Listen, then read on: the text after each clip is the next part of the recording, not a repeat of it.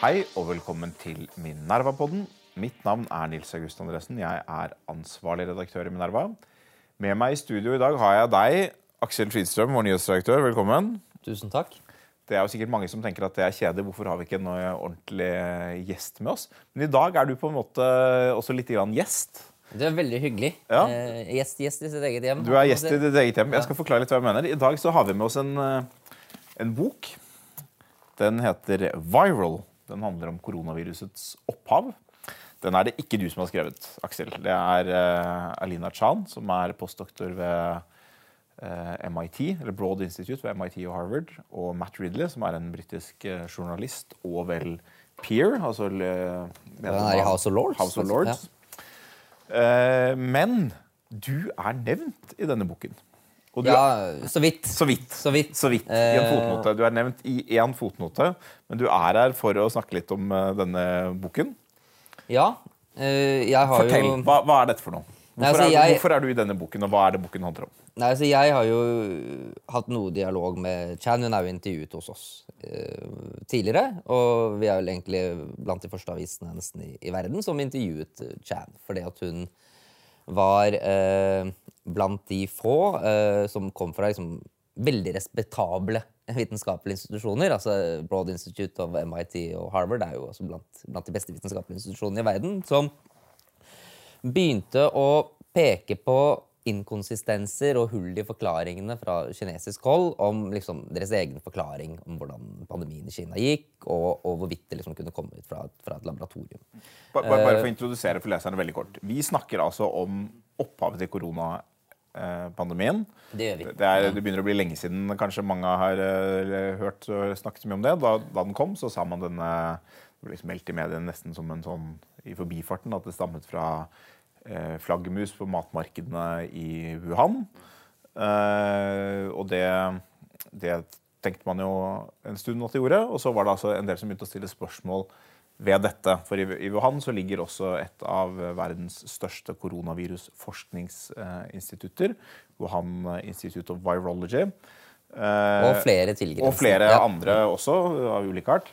Eh, Så man begynte å lure på om det kunne komme derfra. Noen forskere mente å kunne se noen tegn på at det kunne være gjort noe med viruset i et laboratorium. Andre mente at det kunne være eh, lekket ut et naturlig virus fra, fra laboratoriet.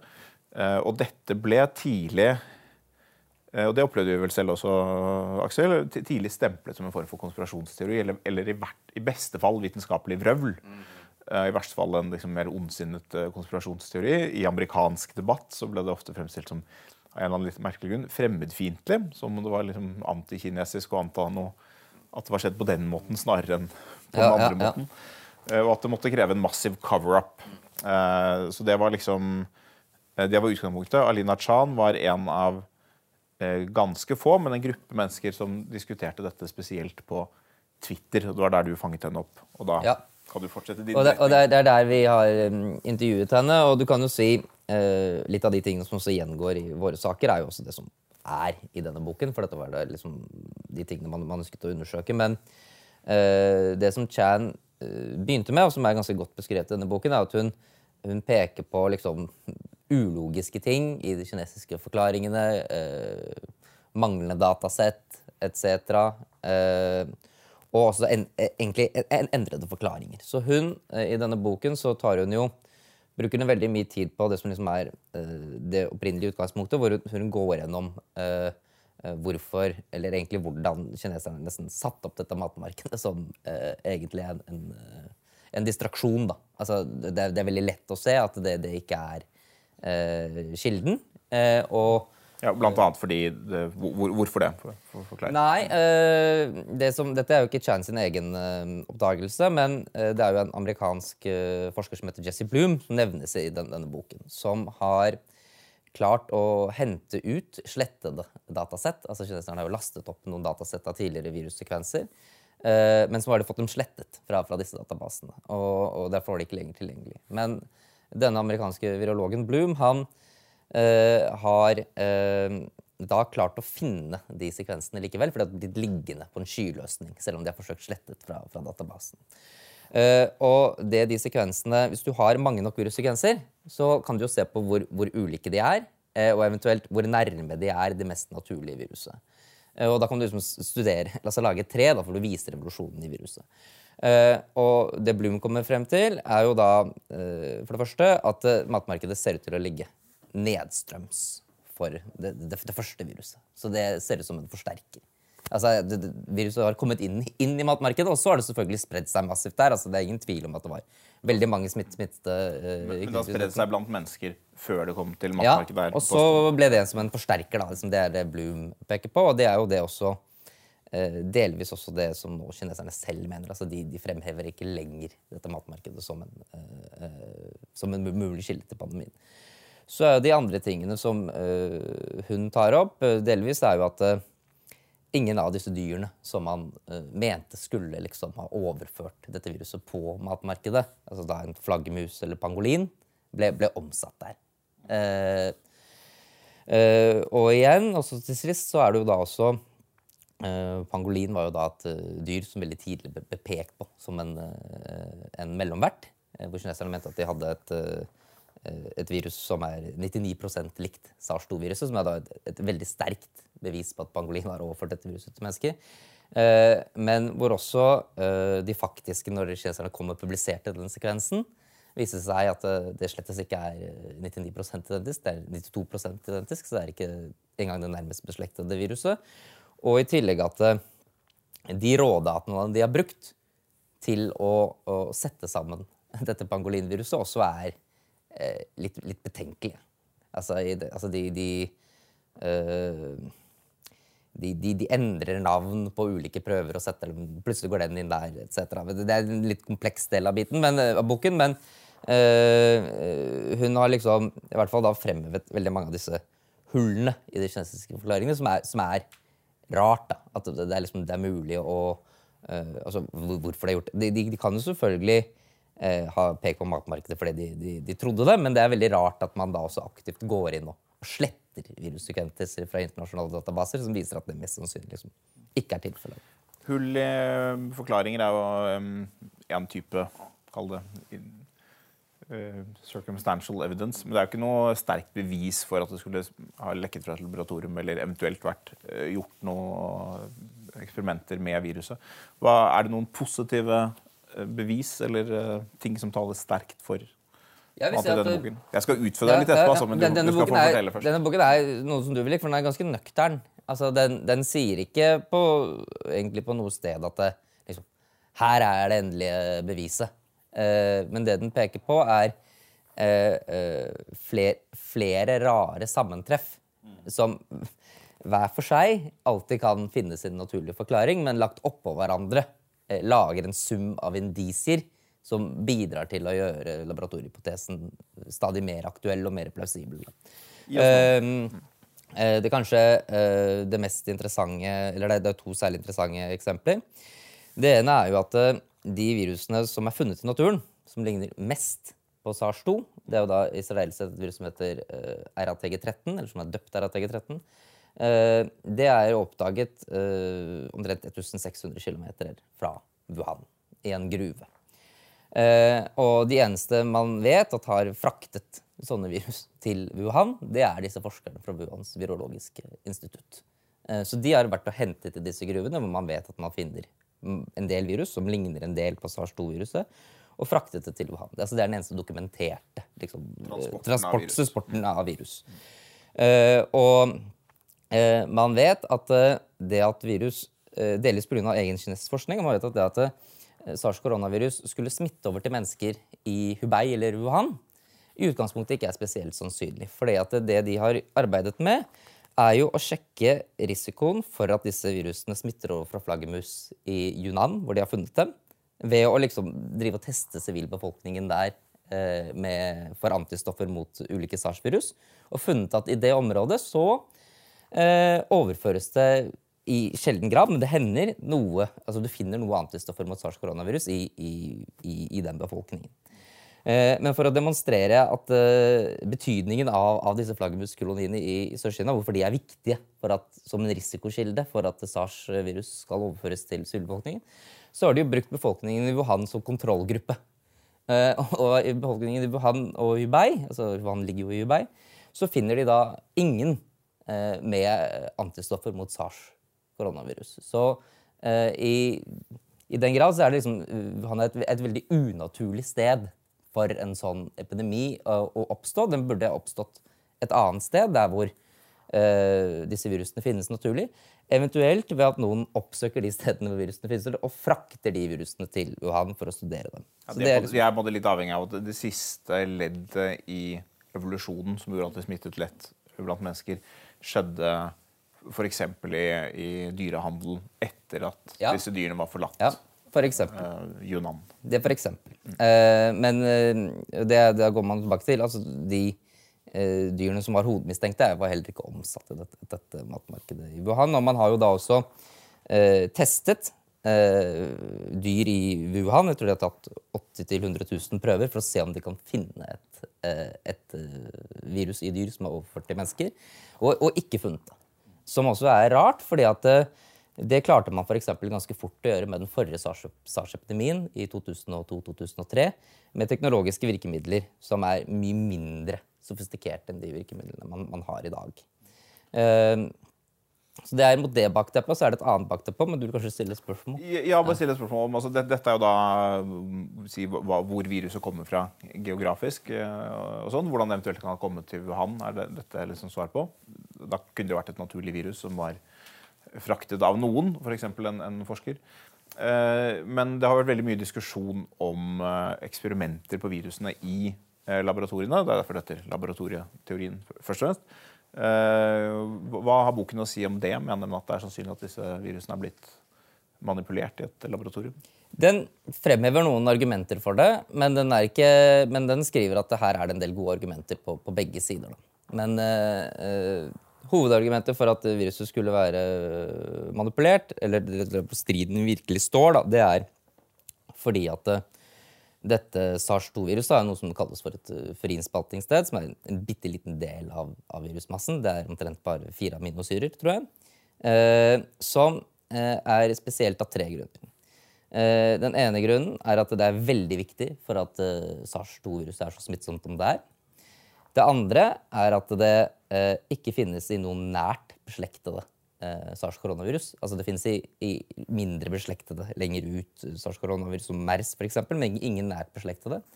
Og det tredje er at dette friinnspaltingsstedet finnes på et sted i, virus, der, i viruset der man kan lese av publisert forskningsnatur at man har tidligere satt inn friinnspaltingssteder. Eh, så det er liksom de, de tre grunnene til at det er interessant. Eh, og så er det i tillegg en diskusjon om eh, hvorvidt man liksom kan se ut av det for innspaltingsstedet om dette her er gjort på en typisk måte som du ville tenkt at man skulle gjort det i et laboratorium. Og da er det da særlig bruken av eh, egentlig det som heter eh, Dette er jo litt teknisk, da, men eh, du sier at disse fyringsballingssteder består av fire aminosyrer. Og hver aminosyre er uttrykket av det som heter tre kodons, som ligger i virus-RNA-et. Eh, og eh, disse fire aminosyrene, PRRA, er det disse doble r-ene Han bruker kodons som er veldig sjeldne for viruset selv å bruke. Så eh, viruset kan eh, uttrykke aminosyren R gjennom veldig mange ulike kodonkombinasjoner. Men hvor den sjeldneste måten for viruset selv å uttrykke aminosyren R, er gjennom kodonkombinasjonen CGG. Og Der kommer den som en dublett. Eh, og det, får, det, skjer ingen andre steder i viruset. Eh, og Derfor kunne man jo f.eks. argumentert for at dette viruset er i stor grad naturlig, men her er det noe som ser annerledes ut enn resten av gensekvensen ved at denne dubletten kommer, og vi tror derfor at det er liksom satt inn. Uh, mens den andre siden av debatten vil jo peke på for det første, ok, friinnspaltingssteder det, det finnes det, det finnes i naturen. Uh, dette viruset kunne ha rekombinert med et annet virus i naturen og derved fått si, en, en, sammensetning av aminosyrer som uh, ser rar ut sett opp mot, mot resten av sekvensen etc. Uh, De vil vel også si at uh, dette er ikke det typiske furinspaltingsstedet man ville satt inn.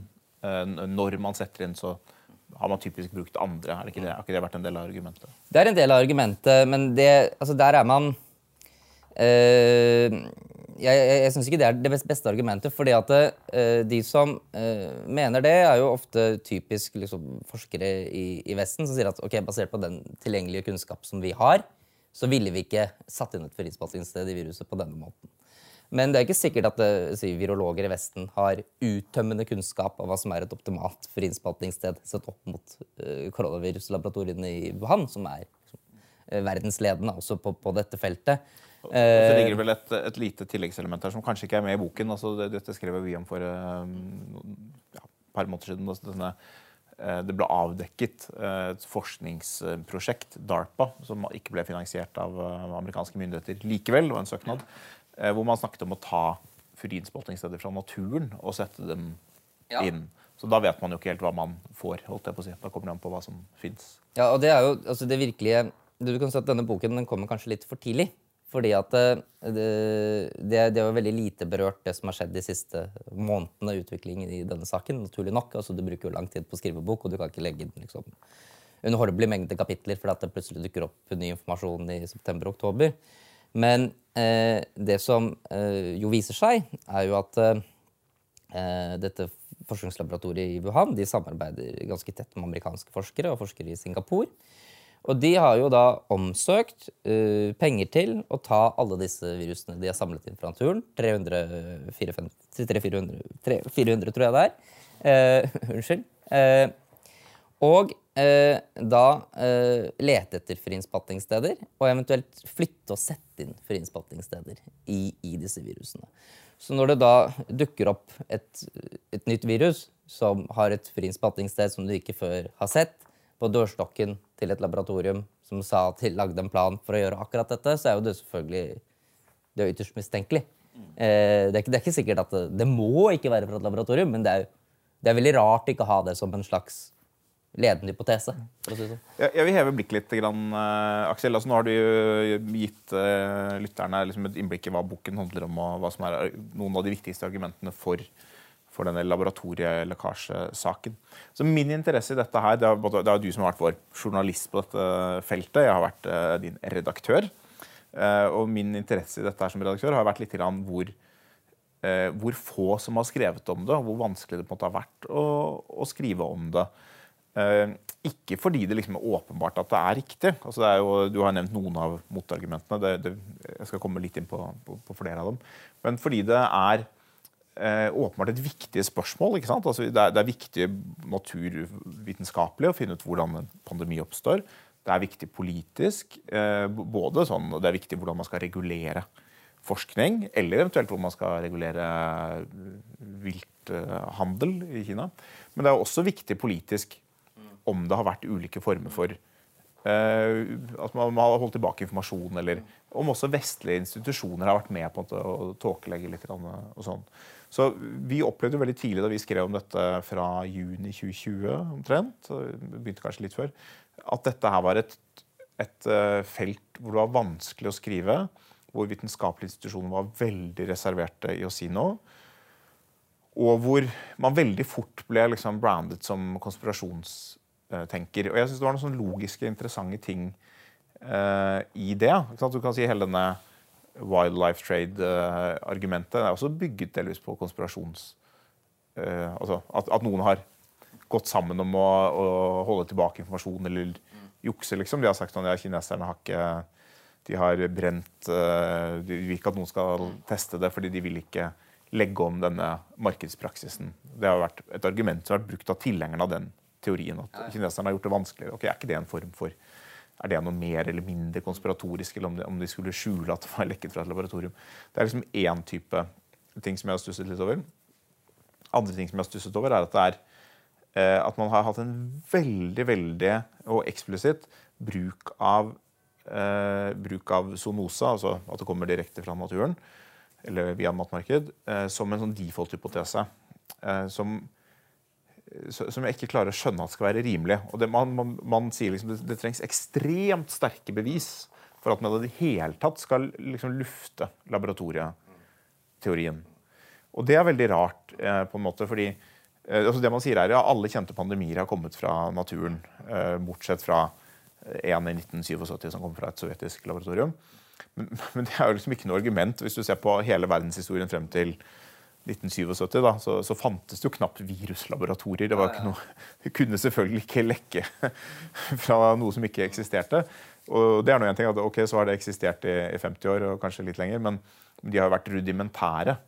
Og evnen til å manipulere virus genetisk er jo noe som har skutt fart de siste ti årene. ikke sant? Uh, og innsamlingen av, innsamlingen av, denne type virus i det omfanget som man ser nå, er jo liksom noe, noe helt annet. Uh, så liksom hva som skal være en nullhypotese når et virus kommer akkurat i den byen som har dette forskningsinstituttet, det er helt uklart. Og det virker nesten litt sånn disingenuous, som det heter på, på nynorsk. Altså, eller litt sånn uærlig. Det er vanskelig å, å tenke seg at skal, de virkelig skal mene at det er a priori så usannsynlig. Man kunne jo si vi har, vi har undersøkt dette og vi, ser ingen liksom belegg for det. Men det er liksom den ene at det, det, virker spesielt. Det må da i utgangspunktet være veldig interessant å, å undersøke det. Og så er det det andre sporet. er sånn Når man har sett på den, den første artikkelen som kom som sa dette er ikke manipulert i et laboratorium, som i og for seg ikke er uttømmende for laboratorieteorien. Det kan fortsatt være lekket fra et laboratorium uten å være manipulert, men, men som sa liksom veldig tydelig sånn, nei, vi ser ingen spor av manipulering, derfor er det helt sikkert zoonose. Det var en artikkel som kom i Nature med, med Christian Andersen, som, hadde skrevet. Og det gikk jo ikke lang tid før, før i og for seg noen, altså de helt fremste virus, koronavirusekspertene, som Ralph Barish, sa at nei da, det det er fullt mulig å gjøre dette i et laboratorium uten at det etterlater den type spor. Og det, det, er egentlig alle enige om, men den linja ble liksom fulgt allikevel. At ja, vi ser ikke noe spor etter det. Dermed kan det nesten ikke være det. liksom. Det er, sånn, det er helt mikroskopisk sannsynlighet. Så, så det, det er både min journalistiske interesse. Dette er åpenbart et legitimt felt å undersøke. Men så kommer jeg til, til, noen kritiske spørsmål. Det er sånn Alina Chan på, på Twitter veldig lenge så så var hun veldig opptatt av at hun ikke ville gi noen sannsynlighetstall på de to hypotesene. Nettopp fordi det er ganske mye uklart. Og, og, og, der, eh, og dette kjenner jeg fra å ha jobbet med Russland, at Kina er et sånt regime som godt kan på en måte tåkelegge i ulike retninger av ulike grunner. Fordi masse ulike nivåer er livredde for masse forskjellige typer konsekvenser. Eh, og kanskje ikke har full informasjon. Og de kan være redde for hva som skjer med vilthandelen. og de kan være redde for redde for sitt eget laboratorium. De kan frykte at det har vært en lekkasje uten at det er riktig, og så obfuskere av den, av den grunn. Det kan være masse forskjellige ting som, som har skjedd, og de misliker generelt at Vesten skal komme og se dem i kortene. og Det kan jo være andre ting man kunne funnet. på, på den type ting. Så Chan var veldig tydelig på at hun ikke ville gjøre det. Eh, og så får man på et inntrykk av gjennom det hun skriver, og etter hvert så, som tiden har gått, at hun liksom Dette er ikke en 50-50 eh, sak hos henne. Og det man ser, det er sånn, et sånt problem når, når, du har en sånn vitenskapelig konsensus. Da, eller sånn, det vært vanskelig å få komme gjennom eh, i de etablerte institusjonene med dette synspunktet. Og det som har skjedd, er jo da selvfølgelig at det er liksom renegades som har forsket på, det, på, på laboratorieteorien. Alina Chan er en av de mest, eh, av de, som er ved et av de mest respekterte instituttene. Jess Bloom er jo en annen som er en virkelig respektert virusforsker. Chan er en, en postdoktor på et litt annet uh, genetisk felt. Mens Bloom er jo en veldig um, kapasitet på feltet. Uh, så du har liksom noen, men veldig mange er, uh, er, folk som har kommet nylig til feltet. Også blant forskere. altså Det er en del molekylærbiologer og genetikere, og sånn, men, men, de er ikke koronaviruseksperter. Og, og, de slenger ut litt papers som spriker litt i alle retninger. Alle kan ikke være sanne samtidig. Så, og det er vanskelig for en journalist og for, og for meg å liksom bedømme informasjonen som kommer. Jeg mener den er relevant å dekke, uh, og sånn, men, det, men, det, er vanskelig å få et, liksom et ordentlig klart forhold til hvor, hvor, solid er det i møte med motargumentene. Eh, og så opplever man litt at det blir en, sånn, det blir en fare for at man, man har funnet en, en, teori. Man har funnet ut at man står man, man, føler seg litt som en renegade. Det er en attraktiv posisjon også psykologisk sett. Den er ikke så veldig attraktiv. Eh, Man blir utsatt for masse press, og det er ikke sikkert det er Eh, det kan være karriereskadelig, og sånn, men, men, det er en attraktiv psykologisk posisjon. Jeg har sett en sannhet som ingen andre har sett. Er det en fare man går inn i, inn i der, at man liksom omfavner teorien. Man vil veldig gjerne at den skal være sann, og, og er, kan kjøpe liksom alle argumentene for, selv om de strider mot hverandre. Det var det lengste spørsmålet jeg noen gang har fått. Det må jeg bare, Ja, bare si. Bare hyggelig. jeg vet ikke helt hva jeg skal, hva jeg skal begynne å nøste det, men eh, det er jo åpenbart at du kan få confirmation bias i en, i en sånn sak. Og eh, du kan jo si at vi har gjort masse research om denne problemstillingen som vi også ikke, ikke har publisert. Eh, fordi at vi ønsker jo å eh, Selv om det er interessant, så tenker vi ok, kanskje det blir for, for tendensiøst. Så vi, vi har jo eh, forsøkt å drive dette et, etter egentlig ganske regulære journalistiske prinsipper. Altså vi eh, tar frem en del ting som kanskje er produsert på litt obskure deler av internett, kan du si. Eh, og forsøker å få folk som vi tror har denne kompetansen, til å bedømme denne informasjonen og si noe fornuftig om det. da. Og det er jo det er også eh, delvis derfor Alina Chan har, har, vært, har vært inne. altså For hun kan jo litt om det, i hvert fall i vår egen journalistikk. Men vi har også spurt eh, forskere i Norge, eh, flere av dem, om, om, om disse problemstillingene. Så kan man jo si journalistisk sett? Altså, hva er det som skal til for å skrive om en sak? Eh, det er jo egentlig to ting. altså Du må jo ha motivasjonen. Og du må jo kunne skrive om. Ikke sant? Altså, det er jo, selv om du er motivert, så er det jo uh, veldig vanskelig å skrive om en sak som du kan nulle om. Og det er jo vanskelig å være redaktør også for en, for en journalist hvis du skriver noe du kan nulle om. Og i denne saken, og det er jo kanskje litt av grunnen til at det, det er underdekket, da, for dette er jo en veldig viktig problemstilling, uh, så er jo barrierene veldig høye. Uh, fordi det er jo skapt et slags debattklima at det liksom skulle være en, en konspirasjonsteori å undersøke at et virus som har dukket opp på dørstokken for den største virusbanken i Asia, skulle kunne komme fra, fra, fra det laboratoriet. Altså, man, har, man har skapt kunstig høye barrierer for å diskutere det. Det andre er jo, Kunnskapsbarrieren er jo også enorm. Altså, det er jo veldig lett for en lekmann å gjøre feil hvis du går inn i et, et så komplisert eh, tema. Og eh, det har jo i sum ført til at den, denne problemstillingen er, er underdekket. Og så har jo du den, eh, den andre biten, som jeg, som jeg syns egentlig er veldig kritikkverdig, og som er tatt opp, belyst veldig godt av Chad i denne boken. og Det er jo også hvordan eh, det er litt inn på det du også snakker om, men hvordan forskere i Vesten også har bidratt til å gjøre denne eh, Egentlig å, å avspore spore den diskusjonen litt. Grann. Eh, for man kunne jo liksom se for seg ikke sant, altså mye av, av kronargumentet at man sier at det, ok, det er ikke noe historisk presedens for at en pandemi starter som en laboratorielekkasje. Eh, men den måten å argumentere på er egentlig litt forfeilet. Fordi at det, hva som er risiko i dag, er ikke det samme som hva som er historisk risiko. Altså Hvis du for ville sammenlignet sjansen for en flyulykke opp mot en båtulykke, så kan du ikke gå tilbake til når båten ble oppfunnet. For da vil du se på en, en, lang tid av et langt datasett med båthendelser hvor fly enda ikke er oppfunnet.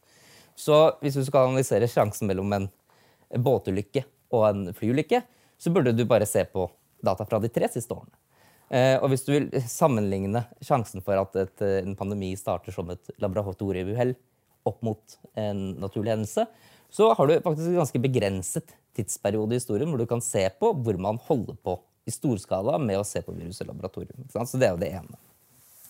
Det andre er jo at eh, hvis du skal sette opp en hypotese og, undersøke, så bør du jo, hvis du skal være vitenskapelig redelig, så bør du lage hypotesen din som undersøkes, så presis som mulig. Så hvis du her er det et nytt virus, og sjansen for at det kommer fra et laboratorium, er ikke den mest presise måten å innramme hypotesen på. Den mest presise måten å innramme hypotesen på er det har dukket opp et virus som tidligere ikke har sirkulert i humanpopulasjonen, i nærheten av et laboratorium. Hva er sjansen for at det da kommer ifra et laboratorium? Eh, og det man vet, er jo at eh, virus lekker ut av laboratorium ubehagelig ofte. Ikke sant? Altså, SARS-1-viruset har lekket ut av laboratorium i Kina gjentatte ganger før. Altså det viruset som skapte SARS-epidemien på 2000-tallet. Uh, kopperviruset lekket ut av et britisk laboratorium etter at kopper var, var utryddet i humanpopulasjonen. Eh, et eh, forsøk på å lage en influensavaksine skapte en pandemi etter at det lekket ut av et russisk laboratorie i 1977. Så det finnes en, en, en historisk presedens for at det er fullt ut mulig. Men man har innremmet eh, hypotesen på en måte som er misvisende, egentlig, med tanke på hva du forsøker å, å undersøke. Eh, og det har egentlig eh, forskere i, i Vesten dels liksom bidratt til. å det uh, Ikke alle, selvfølgelig, men en, en, liten gruppe som har hatt veldig mye innflytelse. Og uh, det skriver jo også Chan veldig godt om i, i denne boken, fordi at når denne pandemien er i sine tidlige dager, så er det noen indiske forskere som publiserer et preprint hvor de argumenterer for at dette viruset er manipulert Eh, hvor de sier at det har eh, innsettelse fra hiv-virus. Og dette paperet er egentlig helt feil. Altså, det, er, det er ingen som tror på dette paperet. Men det utløser samtidig en panikk, hvor liksom Ok, nå må vi tilbakevise dette. Og eh, det som da blir satt opp, er jo en, en, en internasjonal telekonferanse med virologer fra hele verden. Og eh, e-postene mellom disse virologene er jo nå publiserte gjennom sånn Freedom Information Act. Og eh, disse virologene de mener liksom på det rene at dette indiske paperet det er bare tull. Men samtidig har de selv funnet ting som de mener at peker mot at dette viruset er uh, manipulert, som ikke er de samme tingene som disse indiske virologene. Og da i særdeleshet dette friinnspatningsstedet. Så de skriver jo til hverandre liksom at vi mener at en bitte liten del av dette viruset ser ut som at det er manipulert. Det svarer ikke til forventningene fra evolusjonslæren. Eh, men så har de en telekonferanse, og så tre dager etterpå liksom, så er de alle sammen enige om at dette er en konspirasjonsteori. Og det er jo veldig spesielt. altså Selvfølgelig er det mulig for forskere hvis de kommer sammen i et uh, kollegium og diskuterer en, en, en sak uh, fordomsfritt, at for noen av de som gikk inn med oppfatning A, kommer ut med oppfatning B. Men uh, her skjer det i løpet av bare tre dager. Det er litt vanskelig å skjønne hva som er så nytt på tre dager at du kan gå og endre synspunktet ditt. Fra å tenke at det mest sannsynlig er et manipulert virus, til å si at det, alle som tror det, er konspirasjonsteoretikere. Eh, så der fremstår det jo som om det liksom har vært en slags koordinert innsats for å legge denne ballen fullstendig død. Man skulle jo også tenkt seg at hvis man, hvis man, endret standpunkt fullstendig, så ville man gå ut til offentligheten og si ikke at det er en konspirasjonsteori, men at det er forståelig at man tror det pga. dette. Men, men pga. Ja. dette så er det allikevel ikke sannsynlig. Ja. Så det, det, Du snakker om denne konferansen hvor bl.a. Fauci, Tony Fauci var med, og Christian Andersen, som jeg nevnte i sted. Det, det bringer meg bare til et uh, interessant aspekt der. Altså, mange av disse forskerne du snakker om her, har vært uh, tilknyttet det som heter EcoHealth Alliance. Uh, Peter Dassack er den mest ja, Ikke på denne konferansen, men i nei, han var ikke med, ja. men mange av dem er tilknyttet mm. EcoHealth Alliance, og, og Dassack er, er sjef der. Uh, og det har vært mye liksom, om ham og hans rolle i å stemple det som en konspirasjonsteori, samtidig som de er de som faktisk da laget denne søknaden om å sette inn disse friinnspaltingsstedene, som, som, siden ikke ble innvilget. Men spørsmålet er ble noe av dette arbeidet likevel gjort. Men, men, det peker på et litt annet interessant aspekt, denne telekonferansen og, og Faucis rolle. fordi noe av det som skjedde veldig tidlig, var at denne teorien ble veldig nært, altså laboratorieteorien ble veldig nært forbundet med Trump, som var den første og den eneste politikeren som liksom omfavnet dette, og sa at dette kommer fra en lab i, i Kina. Uh, og Det gjorde jo at denne teorien nesten av seg selv ble spedalsk uh, i det vitenskapelige samfunnet. Det er det hatet som akademikere ja, om, om, den ikke var det fra før. Ja, om den ikke var det fra før. Ja, ikke sant? At den ble det, du kan si Det hadde ikke fått så fryktelig mye oppmerksomhet sånn utover eh, de kretsene som driver med det, og så, og så ble det veldig tydelig. Er du liksom Trump-konspirasjonsteoretiker? Det er det aller verste man kan være. Og så var jo Fauci, som, eh, som gjennom koronaoptimien liksom ble demokratenes helt i USA, som skulle snakke litt vitenskap og fornuft til, til Trump. Det var jo sånn det liksom ble fremstilt. Uh, uklart hvor vellykket den håndteringen uansett ble. Men, men uh, det ble liksom den dikotomien. Trump, den uvitenskapelige bavianen. Fauci, uh, som opplyste vitenskapens redningsmann. Og Fauci sier at dette er en konspirasjonsteori. Eh, og da fikk man jo ikke med det som ble blitt avslørt via DARPA og en del andre av disse e-postene og tingene, at eh, Fauci har på en måte en historie med disse tingene. Han har vært med å behandle disse søknadene om hvilke eksperimenter man skal gjøre i Wuhan. altså på eksperiment. I hvert fall hans, folk i hans organisasjon. Ja, jeg vet ikke om han personlig har sett nei, nei, okay. folk, Men han har vært ansvarlig for, altså, som sjef for NIH, National Institute of Health, de har godkjent søknader om eh, samarbeid mellom Equal Alliance og Wuhan Institute of Virology, hvor eksperimenter gjøres i Wuhan. Ingen av de eksperimentene som er beskrevet, kan ha ført til akkurat dette viruset, men, men det er den type forskning som har blitt implisert. Eh, så det liksom, og det var jo noe han ikke kanskje var så veldig eh, Ikke informerte så veldig godt om, da. Ikke, ikke, ikke spesielt transparent om, nei. Verken eh, Altså Og, og dessuten også en av dem, dem som både tok til orde for å eh, for å igjen tillate denne type av den, den mest risikable type forskning som heter gen of function-forskning. Stor diskusjon om akkurat hva det er, men, men forskning som kan gjøre virus mer smittsomme og mer farlige. Eh, som i en periode var Det var et band på dette i USA fra 2014 til 2017, og så ble det opphevet. Og det var noe han var Pådriver for. pådriver for, og veldig glad for at liksom, nå kan vi igjen gjøre dette. Så det, både den rollen var jo ikke klar. Hadde man, hadde man visst alt dette i mars, april, mai eh, i fjor, så ville jo diskusjonen selvfølgelig sett helt annerledes ut. Uten at det forandrer nødvendigvis på hvem som har rett eller ikke rett. Men, men da ville det vært mye mer naturlig å stille alle de kritiske spørsmålene. De ble aldri stilt, for det ble så veldig, veldig Polarisert. polarisert. Jeg tenkte på også Da jeg leste anmeldelsen av denne boken, så ser man at denne i, i den større offentligheten så er denne polariseringen, den politiske polariseringen liksom bare fortsatt helt Den er ikke blitt påvirket av utviklingen de siste månedene. Eh, Så I, I The Guardian så er boken slaktet fullstendig.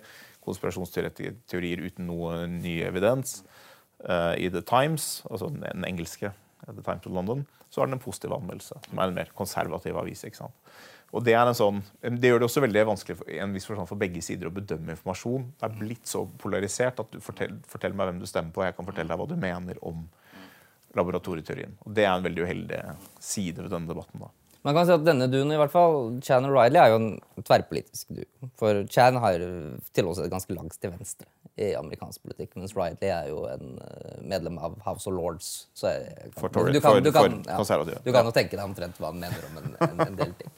Eh, men eh, eh, Nei, det er klart, denne polariseringen har jo eh, egentlig gjort det mye mye vanskeligere å diskutere dette på en sannferdig måte. Og så kan man jo også si at det, eh, når det kommer til Fortry og, og Dassac, da, så de er jo eh, mye egentlig anklaget for, for å lyve om ulike ting. Eh, om de gjør det eller ikke, det, det jo li- blir veldig et sånt spørsmål om semantikk. Altså Man bare holder, holder seg med veldig forskjellige definisjoner av hva man mener ting eh, betyr. Men det som er helt sikkert, det er jo at de har tilbakeholdt veldig mye relevant informasjon for, som kunne vært interessant å se på for, for å, liksom, å undersøke dette. Eh, og Det er jo litt som stortingspresidenten Erik Knallsen. Jeg har ikke direkte løyet, men det, det var mange tidspunkter hvor det ville vært naturlig å si Vet du hva, jeg har en, jeg har en leilighet her som, eh, Ja. som kanskje noen ville være interessert i å vite om. Ja, det er faktisk det, det, det, det, er veldig, det er veldig likt, faktisk. Altså, man sier at eh, her er det dukket opp en pandemi på dørstokken i et laboratorium i Wuhan. Da ville det vært naturlig å si f.eks. at eh, ja, og vet du hva, vi har faktisk jobbet med dette laboratoriet i eh, mange herrens år og samlet inn hundrevis av virussekvenser fra naturen sammen med dem, shippet dem til Wuhan. Eh, vi har foreslått at de skal gjøre en del type eksperimenter som kunne lede til et sånt virus.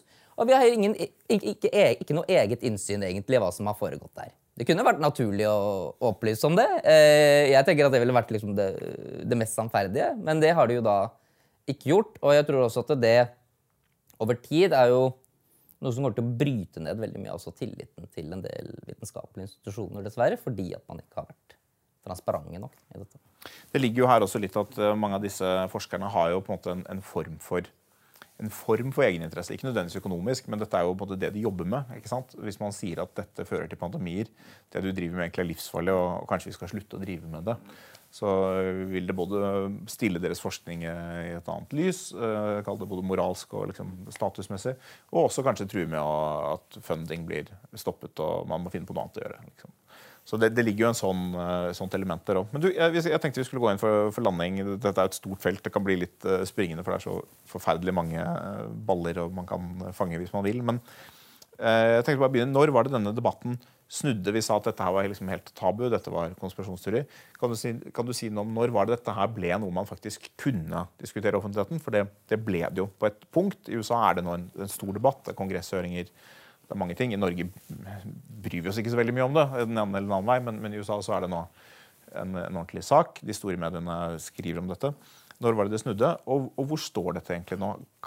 Kommer vi noe, noe videre, eller vil dette alltid forbli et uløst spørsmål? Jeg vil peke på øh, kanskje det er tre, tre vendepunkter. Det første vendepunktet er en stor sak som Times of London skrev for egentlig ganske lenge siden, hvor de dokumenterer denne rariteten med dette her ATG13-viruset som er hentet ut i denne gruven i Unan, uten at de har forklart at de har hentet det derfra, og heller ikke forklart at mange av de som arbeidet i denne gruven, ble syke med, med SARS-lignende virus. Men var liksom, da var det mange som, flere som ble interessert.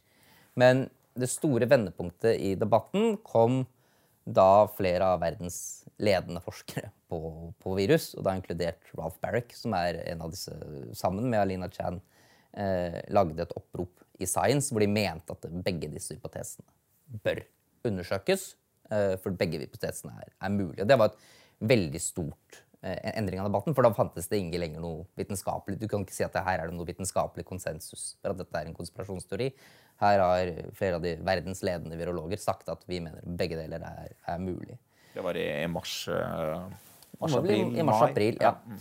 Uh, og siden så har jo også amerikansk etterretning laget en rapport hvor de sier egentlig, vi vet ikke. Eller de har bare gjengitt ulike elementer av amerikansk etterretning anonymisert med sprikende oppfatninger om hva som er mest sannsynlig. Uh, og så tror jeg det siste vendepunktet egentlig nå er dette denne dokumentlekkasjen fra Pentagon, altså denne DARPA-søknaden om å sette inn furinnspatningssteder i SARS-koronavirus som de oppbevarer i, i, i Wuhan. Uh, men det vendepunktet er nå ganske tidlig. Altså det, det, det, det, dokumentet kom jo bare for en, en og en halv måned siden, og det, er såpass komplekst at det tar litt tid å sette seg inn i. Men jeg tror at det vil føre til at den ballen ruller videre. Da. Men det er litt tidlig å si hvor Tror du det er noe man uh, vil finne ut av til slutt? Uh, tja, altså uh, Jeg tror at muligheten for at det var en laboratorielekkasje, vil manifestere seg som den klart ledende teorien og best argumenterte teorien. Om det også blir den beviste teorien, det er, det er lenger frem. Altså det, det, er vanskelig å og si, produsere det som man som kaller for the smoking gun. Da. Altså, hva, hva, skulle det liksom vært? Ok, Da måtte du dokumentert at eh, en av de som arbeidet i laboratoriet, liksom var pasient null. da. Eh, det er nok kanskje ikke så veldig lett å finne ut av, for at kineserne har jo da eh, enorme ressurser til å dekke over det hvis de, hvis de vil.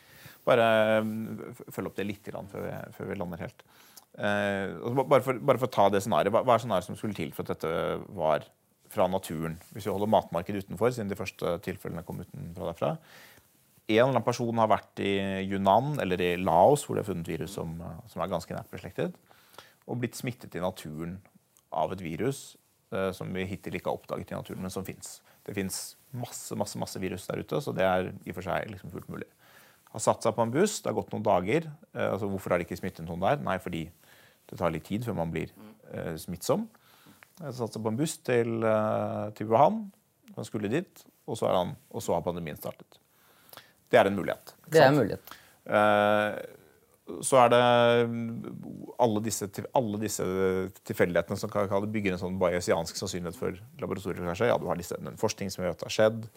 Du har eh, virusprøvene som de, som de har. Du har RATG13 som uh, ga en sykdom som de ikke opplyste om. Du har IK Health Alliance som ikke har kommet med informasjon de burde kommet med. Eh, du har friinnspaltningsstedet som er litt odde. Det er på en måte elementene som, som skulle tale for. Eh, kan du sette en sannsynlighet på, på hver av dem for at det er tilfeldigheter? Eh, det er vanskelig å gå med videre. Hvis det skulle vise at dette var denne mannen på bussen fra, fra Laos, hvor skuffet blir du? Jeg vet ikke om jeg blir så veldig skuffet, egentlig. jeg tror ikke jeg blir så veldig skuffet. men, jeg, men jeg tenker jo på sett og vis. ikke sant? Altså, da har jo også sånne som meg og Riley og Chan da, da har vi jo liksom virkelig gått hardt til verks da, mot uh, disse forskerne i, i, uh, i Wuhan. Uh, og kanskje uten den helt store rettferdiggjørelsen. Men jeg mener at det, det delvis kan rettferdiggjøres også, fordi at hvis altså Selv om det skulle komme fra naturen. da, fordi at hvis et virus dukker opp i nærheten av et stort viruslaboratorium, så er det en helt naturlig forventning fra hele det internasjonale samfunnet at det laboratoriet spiller med en, en viss form for åpne kort. Altså, de har en stor database av virus som de har tatt offline eh, bare, I september 2019. I september 2019 eh, bare måneder før pandemien ble oppdaget. Og jeg synes jo det er, altså det er helt uakseptabelt at et eh, forskningsmiljø som har mye finansiering fra Kina, men også finansiering fra resten av verden, for å forske på eh, koronavirus og risiko for koronavirus, epidemier og pandemier, eh, og sitter på en stor database av virus som de har samlet inn, når det dukker opp en pandemi, ikke kan dele datasettene sine. Altså Det er jo i seg selv også uakseptabelt. Og det, det inviterer jo selvfølgelig også eh, alle til å kritisk belyse dem, og det har de på en viss grad også fortjent. Hvis de ikke er villige til å spille med åpne Det er uh, omtrent det jeg ville si. Altså, er, uh, jeg vet ikke hva som er riktig, men jeg, jeg mener veldig tydelig at det er, det er helt riktig å dekke denne saken ganske aggressivt, uavhengig av hva som er sant. Fordi det er som du sier, det er en forventning om åpne kort. Det er en forventning av at selv om de spiller med åpne kort, så er det, det er et sammentreff her som uansett fortjener å etterforskes uh, journalistisk. Og det er denne tilbakeholdelsen av informasjon fra Og, og et, et, sett med ikke helt ærlige argumenter fra forskere i Vesten som, som, har fortjent et veldig kritisk søkelys, uavhengig av hva som er sant. Uh, for, her er det en, en, beskyttelse av egeninteresser, det er en, det er en revirkamp. Det er, det er, masse andre typer ting som, som uansett fortjener å dekkes journalistisk. Og det er det beste for en journalist, syns jeg. det er at man Eh, denne saken dekker vi eh, kritisk. og, og om, om, det skulle vise seg å være galt, så på en måte nesten desto bedre. For vi har i hvert fall gjort vår del av jobben. Og det har vi gjort nå, for du er i en fotnote på en eller annen side som ja. en av no, en notable exception. Ja, For de som var interessert. Fra journalister som uh, ellers ikke dekket dette. Gratulerer med det, Aksel. Takk for det. Takk for i dag.